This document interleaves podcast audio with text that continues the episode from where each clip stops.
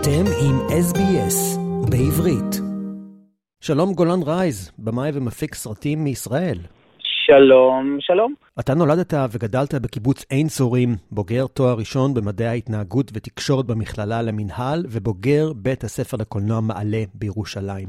היום אני רוצה להתמקד על אחד הסרטים שצילמת, ואין הרבה סרטים יותר מרגשים ואישיים יותר מהסרט שלך, המחברות של אליש, שאתה הפקת.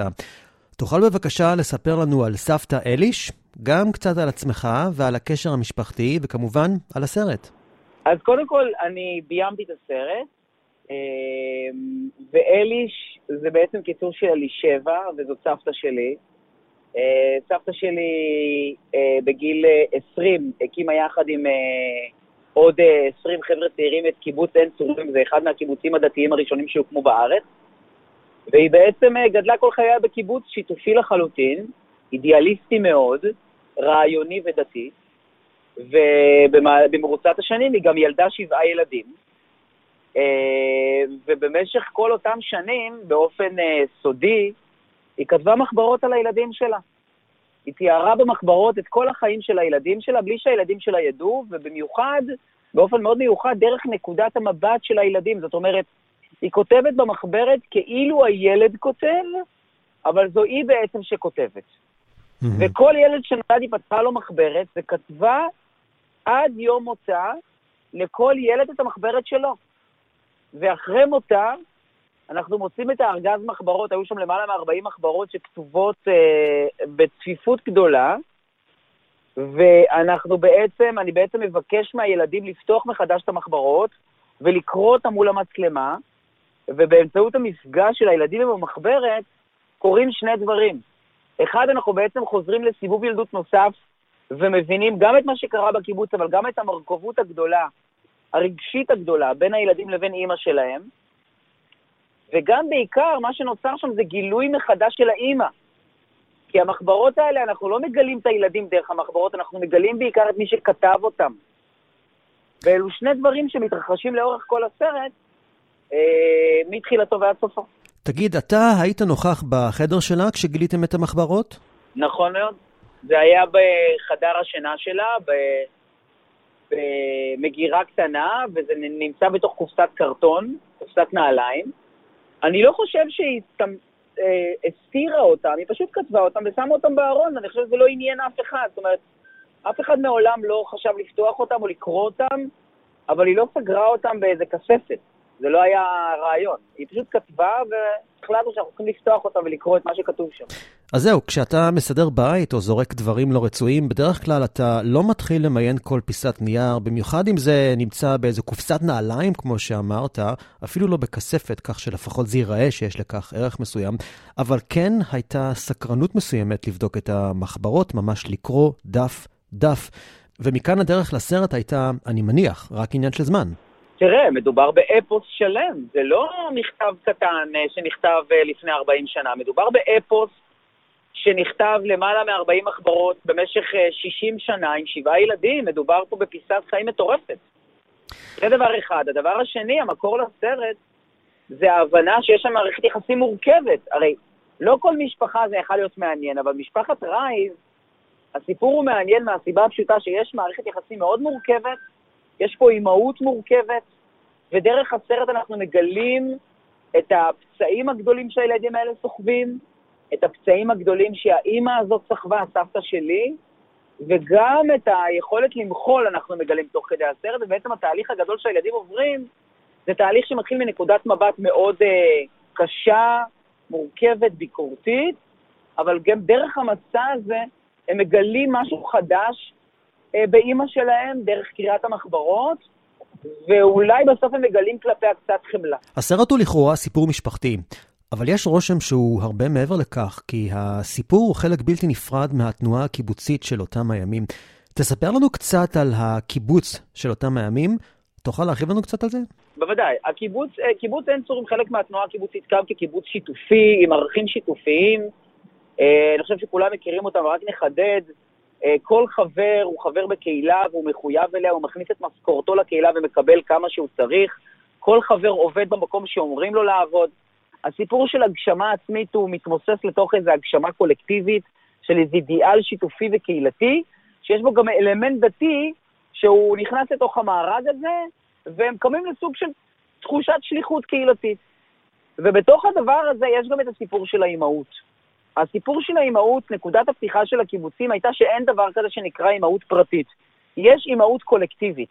האימהות הקולקטיבית באה ואומרת, אתה מוליד את הילד, אתה שולח אותו לאימוץ על ידי הקיבוץ, אתה לא מגדל אותו, אתה פוגש אותו פעמיים ביום למשך שעתיים, אבל מי שמגדל אותו זה הקיבוץ, ובעצם אין אימהות פרטית, יש אימהות קולקטיבית, היא, הבן של השכן זה כמו, הבן, זה כמו הבן הפרטי שלך.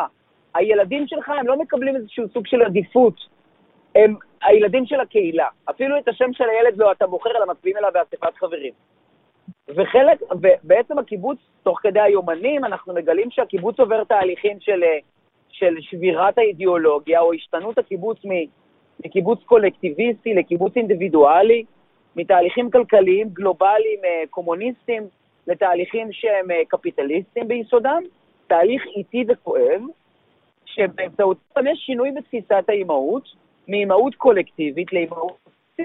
אני חושב שהשינוי הגדול שמתרחש בסרט, ובעצם דרך היומן, זה המעבר מהלינה המשותפת ללינה בבית.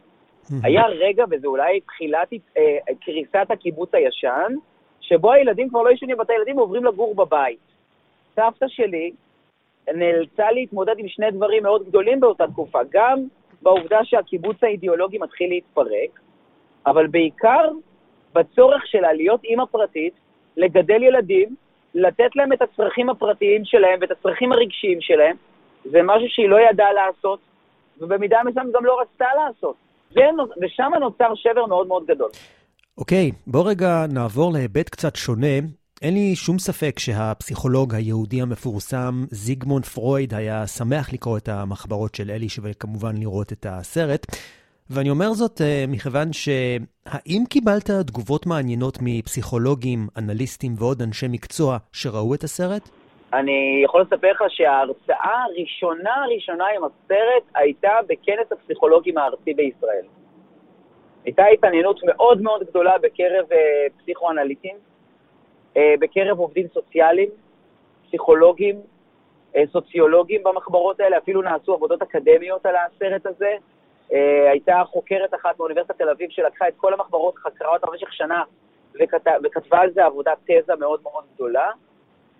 יש פה אלמנטים נפלאים לחקירה, ואתה יודע, אני, אפשר לתאר אותם כאן, אבל זה, בעולמות האקדמיים זה עניין הרבה מאוד אנשים.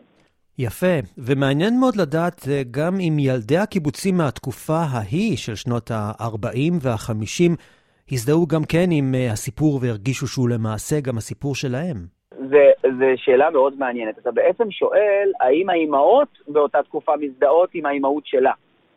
בדיוק. Uh, ואני חושב, חושב שהתשובה היא מורכבת. אני חושב שהחוויה הקיבוצית של אנשים היא שונה אחת מהשנייה. יש אנשים שחוו את הרנסאנס הקיבוצי ואת חיי השותפות, ואף את הלינה משותפת כמשהו אידיאלי ומדהים.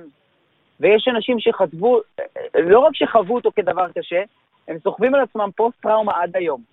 מה שאני כן יכול להגיד, שבתוך התהליך הזה של מעבר מלינה משותפת ללינה בבית, הייתה מחלוקת מאוד גדולה גם בקרב האימהות. הכוח שניצח זה כמובן האימהות שביקשו להחזיר את הילדים שלהם הביתה, אבל גם הייתה תנועת נגד של אימהות שאמרו לא, אנחנו צריכים לתת לילדים לישון בבתי הילדים כי זה האידיאל הקיבוצי וככה נכון לחיות. ויש פרוטוקולים שלמים של אספות חברים של דיונים נוקבים שמדברים בו אימהות בעד ונגד המעבר ללינה פרטית בבית. ולכן הסיפור הזה הוא מורכב ואני לא בטוח שיש בו אחדות דעים. תשמע, זה מאוד מעניין, המחברות של אליש. אני רוצה לשאול אותך עכשיו קצת על אה, סרטים אחרים שלך. חוץ מהסרט הזה, אתה עבדת בעבר על סרטים נוספים כמובן, וניתן למצוא אותם באתר שלך, ואתה עדיין עובד על פרויקטים אחרים. על מה אתה עובד כרגע? אה, לפני כמה חודשים יצא סרט חדש שלי יחד עם אה, במאית אחרת בשם שרון יאיש, שגם ערכה את המחברות, שנקרא לוס אנג'לס דרום. זה מחזמר דוקומנטרי ראשון מסוגו, לא נעשה אף פעם דבר כזה, שבמרכזו יש שען בעיירה הפריפריאלית קריית מלאכי, שבגיל 60 מוצא את עצמו בלי כלום, והוא היה ילד גאון שלא הצליח להגיע לשום דבר בחיים שלו, והוא מחליט לעשות שינוי בעיר ולרוץ לרשות העיר. ואנחנו מלווים אותו במהלך הריצה שלו לרשות העיר, ובתוך כדי המסע שלו יש אלמנטים של מיוזיקל שנכנסים, שירים ורקדנים, שהם בעצם מדברים על, אולי על הפער הגדול בין קריית מלאכי ללוס אנג'לס, שהם אגב ערים תאומות, ומזה נוצר הרעיון, על הפער בין החזון, בין החלום של לוס אנג'לס לבין המקום האמיתי של קריית מלאכי. אז זה מחזמר דוקומנטרי שיצא לפני כמה חודשים, ובעוד כמה חודשים יוצאת סדרת דוקו שנקראת הקו, והיא בעצם מספקת הצצה ראשונה למוקדים, למוקדים החסויים של ער"ן, עזרה ראשונה נפשית. שם אנחנו בעצם מייצרים דרמה אנושית דרך שיחות טלפון שמקבלים, אה, אה, שמקבלים אה, מתנדבי ער"ן מפונים מהארץ ו... ומחוץ לארץ שהם פונים ישראלים בעיקרם. והזכרת חוץ לארץ, והנה אנחנו כאן אה, יושבים באוסטרליה ומקשיבים לך. איך אנחנו יכולים לראות את העבודות שלך וגם את המחברות של אליש? אז uh, את המחברות של אליש אפשר לראות, יש בדף הפייסבוק uh, לינק uh, uh, VOD שאפשר להיכנס אליו ולראות את הסרט אונליין. Uh, uh, יש גם uh, לינק באתר של יונתן ניר, ולוס אנג'לס דרום, כרגע יש סבב הקרנות ברחבי הארץ, ואנחנו בעוד כמה חודשים נוציא uh, לינק VOD uh, לפרויקט הזה. ויהיה אפשר לצפות בו גם מחו"ל.